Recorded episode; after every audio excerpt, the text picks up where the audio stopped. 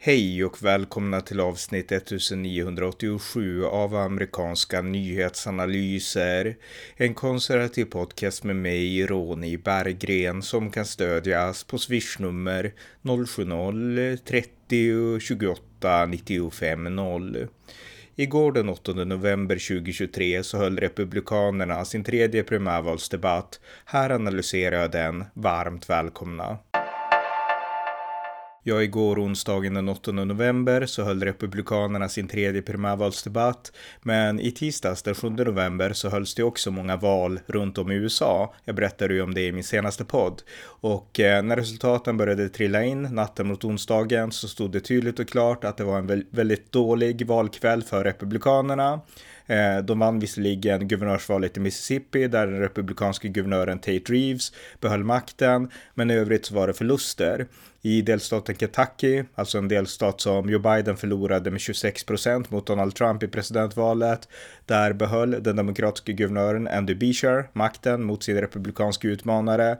Eh, så en stor demokratisk seger i Kentucky i Ohio som röstade om abort så röstade man tydligt för att skriva in rätten till abort i konstitutionen och eh, det gjorde att eh, ja, det blev i praktiken en förlust för republikanerna och en seger för demokraterna eftersom man skiljer sig överlag i de här frågorna.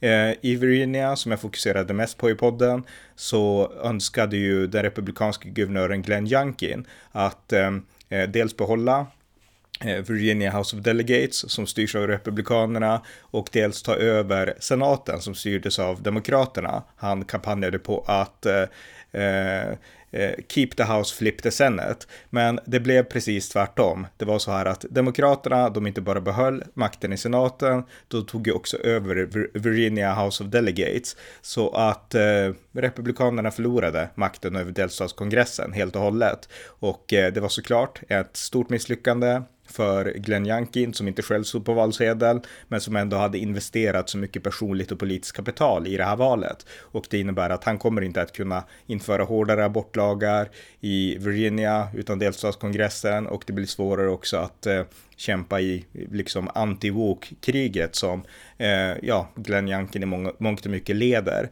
Så att eh, stora bakslag för Republikanerna i tisdagens val den 7 november. Och det var också någonting som kom upp i debatten som hölls igår. Det var ju alltså den tredje republikanska primärvalsdebatten eh, hölls igår i Miami och det var NBC News som anordnade den. Och eh, på den här tredje debatten så var det bara fem kandidater kvar. Mike Pence har hoppat av och en del andra har hoppat av. Och eh, de som deltog igår, det var dels New Jerseys tidigare guvernör Chris Christie, det var Floridas guvernör Ron DeSantis, det var Nikki Haley, tidigare FN-ambassadör och det var Vivek Ramaswamy, affärsman och det var senator Tim Scott från South Carolina. De fem deltog. Och eh, alla de eh, har ju en sak gemensamt. De kämpar om andra platsen därför att den tydligare ledaren i det här racet är Donald Trump och han valde återigen att inte delta på debatten utan han höll ett rally någonstans eh, samtidigt ungefär som debatten hölls. Så att eh, de fem var på debatten för att diskutera, debattera vem som ska vara nummer två i det här racet. Så att eh, så var det. Och eh, den första frågan de fick, den var ganska naturlig. Det var, vad är budskapet till Donald Trumps anhängare? Och Donald Trump var ju inte där då. Och eh, Ron DeSantis, han var först ut och eh, han menade att Donald Trump var annorlunda nu än han var 2016 och att det var till Donald Trumps stora nackdel. Nikki Haley, hon kritiserade inte Trump öppet faktiskt, utan hon ja, hon, hon, gav vissa hintar om vad som var viktigt och så, men det var inte någon direkt öppen kritik mot Donald Trump. Eh, Vivek Ramaswamy, han eh, kritiserade helt andra saker än Donald Trump, utan han sa att Republikanerna har blivit ett parti som förlorar. Tänk på valen igår, alltså tisdagen, och eh, han kritiserade Republikanerna och MSM för att driva konspirationsteorier mot Donald Trump och då menade han Russiagate. Så att Vivek Ramaswamy försvarade i princip Donald Trump och det faller ganska mycket i linje med hur Vivek Ramaswamy har gjort. Han har försökt locka mägarrörelsen att stödja honom och eh, han försöker väl positionera sig som en vapendragare till den som kommer att vinna det här racet, vilket med nästan all sannolikhet är Donald Trump. Eh, Chris Christie, han, han är ju alltid kritisk till Donald Trump. Han sa att Trump är fel kandidat och eh, ja, han brukar vara den som är mest kritisk då till Trump. Eh, sen kom nästa fråga och den hade med utrikespolitik att göra och kriget i Israel. Det här är ju den första debatten sen kriget mellan Hamas och Israel bröt ut och eh, Kandidaterna fick frågan vad borde Israels premiärminister Benjamin Netanyahu göra nu? Och eh, Ron DeSantis, han sa att eh, Benjamin Netanyahu måste besegra Hamas. Nikki Haley sa samma sak, det var inte så oväntat. Eh, Vivek Ramaswamy, han sa också samma sak, vilket kan vara värt att betonas igen, för han är den som är eh, mest semikritisk mot Israel. Han stöder Israel i teorin, men i praktiken vill han inte att USA ska bidra till det stödet, för USA har sina egna problem. Så att eh, Vivek Ramaswamy sa att eh, Benjamin Netanyahu, rök ut dina egna terrorister och vi i USA, vi måste röka ut våra. Eh, men gör inte neokon-misstaget, sa Vivek Ramaswamy och riktade ändå en hint mot Nikki Haley att USA ska stödja krig i hela världen och så vidare. Eh, och så. Eh, Tim Scott då, senator från South Carolina, han förklarade att vi, USA, stöder Israel och eh, ett budskap till Joe Biden, till president Biden då, det bör vara att eh, vi måste vara Eh, alltså vi kan inte vara svaga genom vår diplomati. Det var Obama och det var Biden, sa Tim Scott. Vi måste våga slå till mot ormens huvud och det är Iran, sa Tim Scott. Eh, Chris Christie, han betonade att vi måste förstå att Hamas mål är att förinta Israel och förstår man det så kommer man ganska långt och vår plikt måste vara att skydda Israel och eh, stoppa Hamas och att isolera Iran. Eh, sen gick de vidare på NBC till nästa fråga. Och eh, då fick man en fråga från Matthew Brooks från Republican Jewish Coalition om eh, attackerna mot USA i regionen. Och eh, man diskuterade det, alltså när det skjutits raketer mot amerikanska soldater som finns i Irak och liksom även i Syrien och eh, hangarfartygen och sådär. Och eh, då menade kandidaterna också att eh, USA måste vara tydliga och svara hårt och skicka en signal till Iran och så. Eh, sen fick de också fråga om den inhemska antisemitismen i USA. Det har ju varit dels kraftfulla demonstrationer mot Israel i USA med antisemitiska förtecken. Det har varit våld mot judar i USA, en jude som blev mördad på ett eh, pro-Israel-rally i Kalifornien och eh, judiska studenter som fick tvingas stänga in sig på ett, eh, ja, i en lokal därför att det var arga studenter, pro-Palestina studenter utanför och så vidare.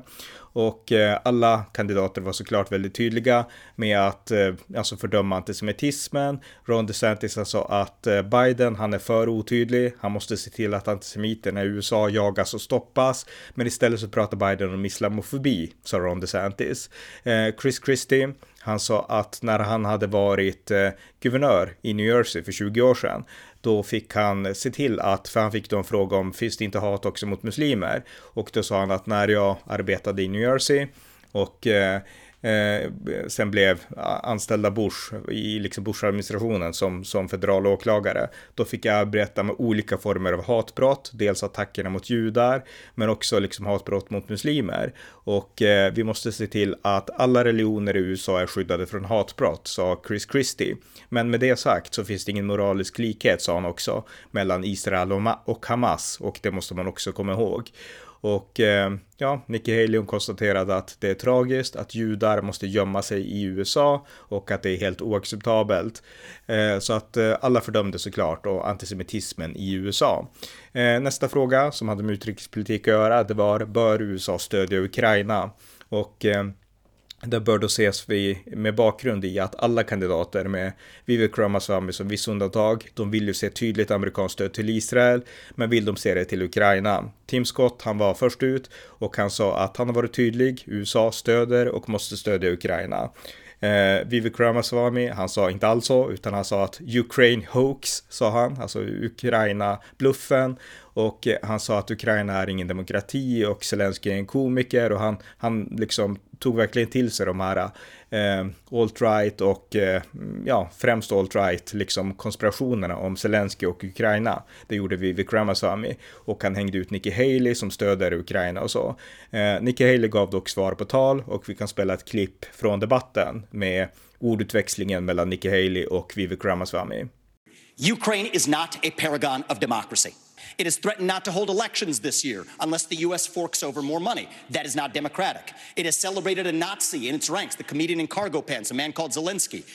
And so to frame this as some kind of battle between good versus evil, don't buy it. And I'd like the likes of the, the sharpest of the war hawks on Ukraine, Nikki Haley, to have some accountability and answer.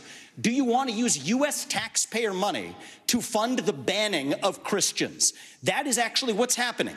They're using the Ukrainian Orthodox Church. They have banned them. The Ukrainian parliament just did this last week, supported by our dollars. And I think you owe it to the American people, Nikki, to at least this Mr. one time Ramaswamy, at least condemn. thank you. That's time. At least to Mr. condemn Ramaswamy, their banning you. of Christians. Mr. Ramaswamy, thank you. out of both sides Mr. Ramaswamy, thank you. We asked the questions. Ambassador Haley, Well, to what is your take on more funding for Ukraine? I am telling you, Putin and President Xi are salivating at the thought that someone like that could become president. They would love to The see fact of the matter is she doesn't answer So this the is what. I will tell you We're is, driving first Russia of all, into let's China's remember- Mr. hands Ramaswamy, because of you these had your time to talk. The ambassador has the floor. Thank Ambassador, you. The first thing I'll tell you is we all remember what that thug did when he invaded Ukraine. We all know that half a million people have died because of Putin. And here is a freedom loving, pro American country that is fighting for its survival and its democracy. No, I don't think we should give them cash. I think we should give them the equipment and the ammunition to win. And I'll tell you, if Biden had done it when they first asked for it, this war would be over. But let's also remember this. Chris Christian kom in sedan och eh, han sa att eh, senast USA vände ryggen mot Europa, det var innan andra världskriget och då kom andra världskriget. Och eh, där handlar det inte bara om Ryssland utan handlar om hela världen. Och om USA inte agerar, alltså stöder Ukraina, då kanske någonting värre kommer att komma, förklarade Chris Christie. Eh, Ron DeSantis, han har ju en bra syn på Israel, men han tillhör precis som Vivek Ramaswamy, inte lika extremt med konspirationsteorier, men han vill ändå spela mot MAGA, liksom crowden och inte ge stöd till Ukraina. Så att Ron DeSantis inledde med att betona att inga amerikanska trupper till Ukraina, eh, Eh, trupper ska till gränsen mot Mexiko, det är där de behövs och eh, pengar till Ukraina, det är slöseri, de behövs till gränsen mot Mexiko och det är Europa som måste ta sitt ansvar för USAs stora hot, det är inte Ryssland utan det är Kina, sa Ron DeSantis. Och eh, sen gick man vidare då till nästa fråga och den handlade om Kina just och om USA har en tillräckligt stor och stark flotta för att stoppa Kina där i Sydkinesiska havet och eh, vid en möjlig attack mot Taiwan. Och eh, Nikki Haley, hon som är den tunga experten på utrikespolitik, hon konstaterade att världens största flotta, det är Kina som har den, det är inte USA, utan USA måste modernisera och eh, allting är också en helhet. Vi måste stödja Ukraina, därför att genom att göra det så kontrar vi också Kina, betonade Nikki Haley, för det skickar en signal även till Kina att USA är beredd att stå upp för sina allierade. Eh, Ron DeSantis han sa att USA måste bygga fler krigsskepp och att friheten står på spel på, i Asien och att eh, Kina är, alltså det är Kina som är den nya Sovjetunionen, det är inte Ryssland utan det är Kina. Och eh, USA måste bygga fler skepp och verkligen ta det nya kalla kriget i Sydostasien. Eh, Tim Scott han svarade ganska tråkigt och, och så, hänvisade till Bibeln och sådana saker. Och det är inte fel, men Tim Scott har får det att framstå tråkigt, inte liksom spännande och intressant. Eh, Vivek Ramaswamy, han betonade att eh, USA är fortfarande industriellt beroende av Kina med olika fabriker i Kina och olika handelsutbyten och det måste förändras och Vivek Ramaswamy nämnde att det behövs en ny Declaration of Independence, Independence och hänvisade till Thomas Jefferson och sa att nu behövs det liksom att vi måste bli fri från eh, ja, de här affärsbanden till Kina. Det tyckte jag var ganska kul twist på liksom det hela. Eh, Chris Christie, han sa att han betonade kärnvapen och sa att det bästa sättet att avskräcka Kina, det är att ha eh, kärnvapenubåtar i Sydkinesiska havet. Det har USA redan, men de behöver moderniseras, det behövs fler. Och eh, Kina ska aldrig veta vart de är, utan de ska veta att de kan, om de attackerar Taiwan i princip, då ska USA vara beredd att använda kärnvapen. Så att Chris Christie gick väldigt långt här. Han eh, han sa i princip att USA bör stå eller Taiwan bör stå under USA kärnvapenparaply. Det var ganska intressant. Eh, nästa fråga handlade om kinesiska, kinesiska sociala medier och TikTok och hur det används i USA. Bör TikTok förbjudas? Det har ju diskuterats förut. Eh, Chris Christie han sa att TikTok är inte bara en spyware som Kina använder för att spionera på USA. Eh, det förgiftar också medvetet unga människor genom att det trollas med allt ifrån antisemitism till så mycket annat och det här görs för att liksom bryta ner amerikansk ungdom. Och eh, Chris Christie kritiserade också Donald Trump, för även Donald Trump hade pratat om att eh, förbjuda TikTok, men ingenting hade hänt. Eh, Ron DeSantis han sa ja, TikTok bör förbjudas därför att Kina är det stora hotet.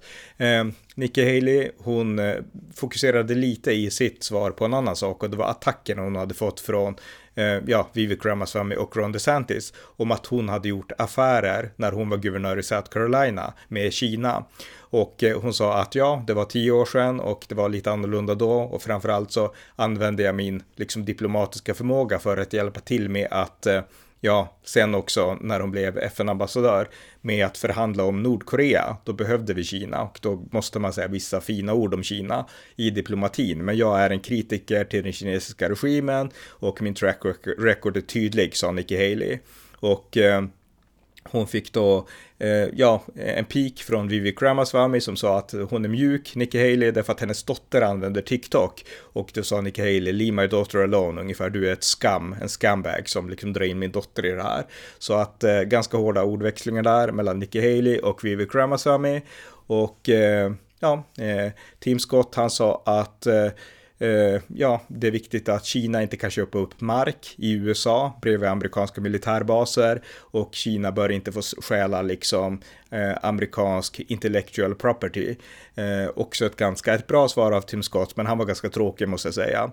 Eh, nästa fråga handlade om Venezuela och att USA faktiskt köper under Joe Biden specifikt olja från Venezuela och det är många som har flytt från Venezuela till USA och eh, hur ser kandidaterna på det? Och då var de flesta överens om att vi kan inte vara beroende av olja från Venezuela, Maduro och eh, ja, gränsen och sådana saker. Och eh, Sen efter det så lämnade de lite grann då eh, utrikespolitiken och förde sista halvan av debatten eh, tillbaka till inrikespolitik i viss mån. Och eh, det betonades att det är fortfarande inflation i USA och hur ska amerikaner få hjälp med vardagsekonomin? Tim Scott han sa att eh, det första som måste göras det är att återigen godkänna det som Biden stoppade, nämligen Keystone Pipeline, eh, olje eh, utvinning och framförallt oljeleveranser från Kanada genom USA. Eh, det måste återupptas därför att USA måste bli energi, inte bara energioberoende, utan energidominanta i världen, vilket USA kan bli för USA har så mycket inhemsk energi. Eh, Ron DeSantis han sa att Bidenomics måste rivas upp och Chris Christie höll med Tim Scott, energin är kärnan för frågan och eh, Nikki Haley betonade att medelklassen måste stärkas, man måste minska skatterna på bensin och eh, USA som nation kan inte fortsätta bara ha eviga utgifter. Och det blev en bra brygga till nästa fråga från NBCs moderatorer, för det handlade om just de här eviga utgifterna och eh, social security, security framförallt, men även Medicare och Medicaid, alltså de här ständiga välfärdsutgifterna som alltid ökar i USA. Och eh, min kollega John Gustafsson gjorde en intressant podd om det häromdagen. Men eh, eh, Chris Christie, han sa att vi måste våga se saken i vitögat. Vi måste våga ta itu med problemet. Faktum är att det här funkar inte. De här pensionssystemen och systemen som vi har i USA. Eh, vissa har förmåner som de inte kan ha. Ska alla rika verkligen ha tillgång till Social Security och Medicare eller kan de inte betala det själv? Kan vi verkligen hålla pensionsåldern på den nivå den är eller måste den höjas? Och eh, måste vi också kanske tänka på skattefrågor. Alltså, eh, det här kostar skattepengar. Hur ska vi liksom lösa det? Ska vi höja skatten eller vad ska vi göra? Det här är frågor som partier inte vågar prata om, men vi måste våga se saken i vitögat, betonade Chris Christie. Eh, många andra kandidater, de var, mer, de var mer tydliga med att de vill inte höja pensionsåldern, därför att det är tydligen impopulärt i Iowa, så att de vill absolut inte, liksom Iowa är den första delstaten, håller sitt caucus den 15 januari tror jag, och eh, eh, ja, de ville spela rätt i förhållande till sina möjliga väljare i Iowa, så att de ville inte prata om att höja pensionsåldern. Men alla insåg väl på ett sätt att det fanns problem och Nikki Haley betonade att eh, ja, vi får helt enkelt dra slutsatsen att kommande generationer kan inte ha samma förmåner som tidigare generationer har haft. Hennes barn, hennes dotter, de kommer inte att kunna ha de här liksom Eh, förmåner som man har tagit för givet i tidigare generationer. Det är bara ett faktum. Så att alla var ense om att det här fungerar inte. Eh, allra sist så kom man tillbaka till gränsen, gränsen mot Mexiko och hur man skulle göra för att stoppa opioid och fentanylkrisen hos amerikaner. Team Scott han betonade stäng södra gränsen. Ehm, Chris Christie också, eh, stäng portarna för fentanylingång i USA, men upprätta också hjälp för beroende, för missbrukare och sådana saker. Och Nick Haley betonade eh, att man ska ha, alltså Eh, catch and, hon sa fel, alltså hon sa så här, hon sa catch and release, eh, alltså att man fångar illegala vid gränsen och eh, sen släpper ut dem, men hon menade inte det, så hon korrigerade sig själv och sa liksom, alltså att man, man skickar tillbaka dem, så att hon sa ett litet fel där. Eh, allra sist då, så fick kandidaten också kommentera. Det jag var inne på inledningen, alltså valdagen, tisdagen den 7 november och de dåliga resultaten för Republikanerna och inte minst då kring abortfrågan, där amerikanska väljare tydligt röstade för rätten till aborter i nästan, ja, på nästan alla sätt. Och eh, alla republikaner är ju pro-life i mer eller mindre mån, så att eh, alla fick ha det som utgångspunkt. Och eh, Ron DeSantis han sa att han stod upp för en culture of life och han hänvisade till justitieministern i Florida som ett bra exempel på det, hur, hur bra det kan gå för människor vars liv man värnar. Eh, men han betonade också att delstaterna måste forma sina egna lagar. Men sen vill han ändå betona att glöm inte bort att demokraterna, då vill inte definiera när livet börjar och att inte våga göra det, det är fel, sa Ron DeSantis. Eh, Nikki Haley hon sa personligen att hon är pro-life, men det som nu sker det är att delstaterna får själva bestämma. Det är delstaterna som röstar och eh, hon vill inte att den här frågan ska splittra USA längre och när det gäller den här äh, lagen som Lindsey Graham och många andra har föreslagit på federal nivå, alltså att man ska införa ett federalt abortförbud efter 15 veckors graviditet. Eh, till det så sa Nikki Haley och hon har sagt det förut att eh, alla vet att det krävs 60 röster i senaten för att det ska gå igenom och visst, jag är beredd att godkänna allt som vi har en majoritet för, men vi har inte det, så att det här är en icke-fråga, sa hon. Och hon fick en pik där av Viv Ramaswamy som sa att hon vågar inte säga vart hon står i den här frågan. Eh, och så. Eh, Tim Scott sa såklart att han är 100% pro-life och att han skulle stödja en, eh, ja, ett förbud mot aborter efter 15 veckor. Och eh, ja, eh, ungefär så gick, gick det. Så att eh, det var så de förhöll sig då till bakslagen den 7 november i tisdags. Så att eh, med det så slutade debatten. Och eh, inför debatten hade man också vissa regler, NBC. En regel var att eh, om kandidaterna bara avbröt och eh, härjade på och tog över scenen, då skulle de få avdrag i sin egen debatttid. Så att kandidaterna höll sig hyfsat på sin kant måste sägas. Och det kanske var bra, men det gjorde också debatten i viss mån tråkig.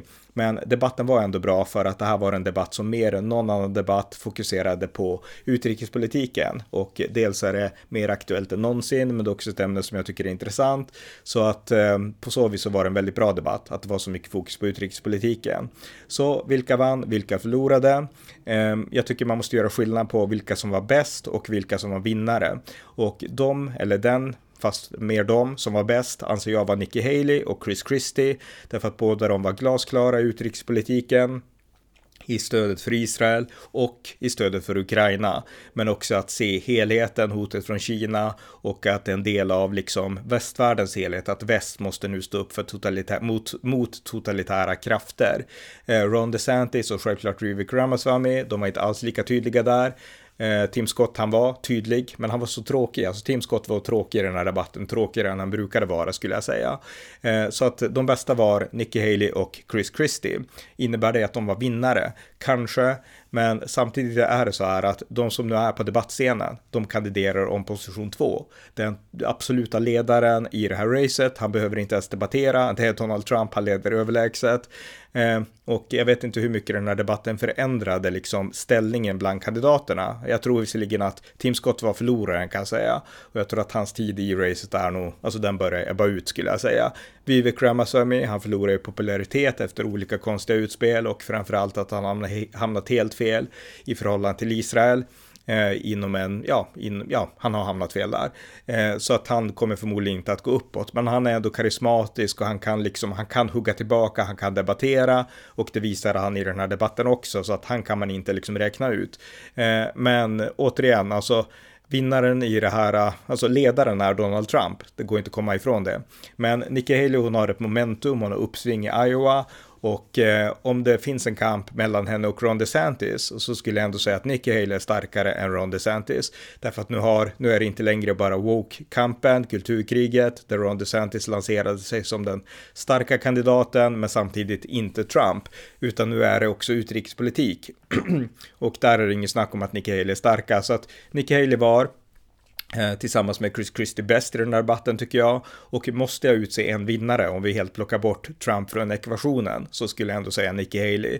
Eh, med liksom, ja, med vissa reservationer. Men förloraren anser jag var Tim Scott. Så att det var mitt korta take kring debatten och eh, ja, jag får återkomma med fler analyser. Men det intressanta med den här debatten, det var att utrikespolitiken fick en så stor roll och eh, det var mycket underhållande tycker jag. Tack för att ni har lyssnat på amerikanska nyhetsanalyser.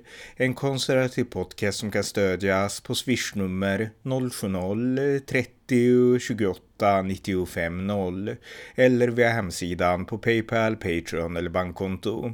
Skänk också gärna slant till valfri Ukraina-hjälp eller Israelinsamling. Vi hörs snart igen. Allt gott tills dess.